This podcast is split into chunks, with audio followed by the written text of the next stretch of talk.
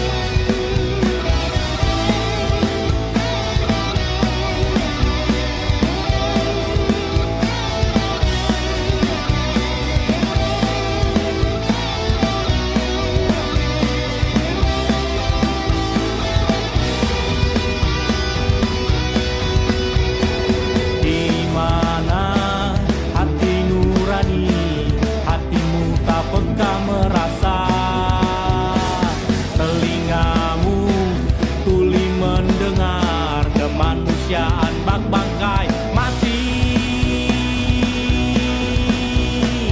Di mana hati nurani saat bayi dan ibu terpisah?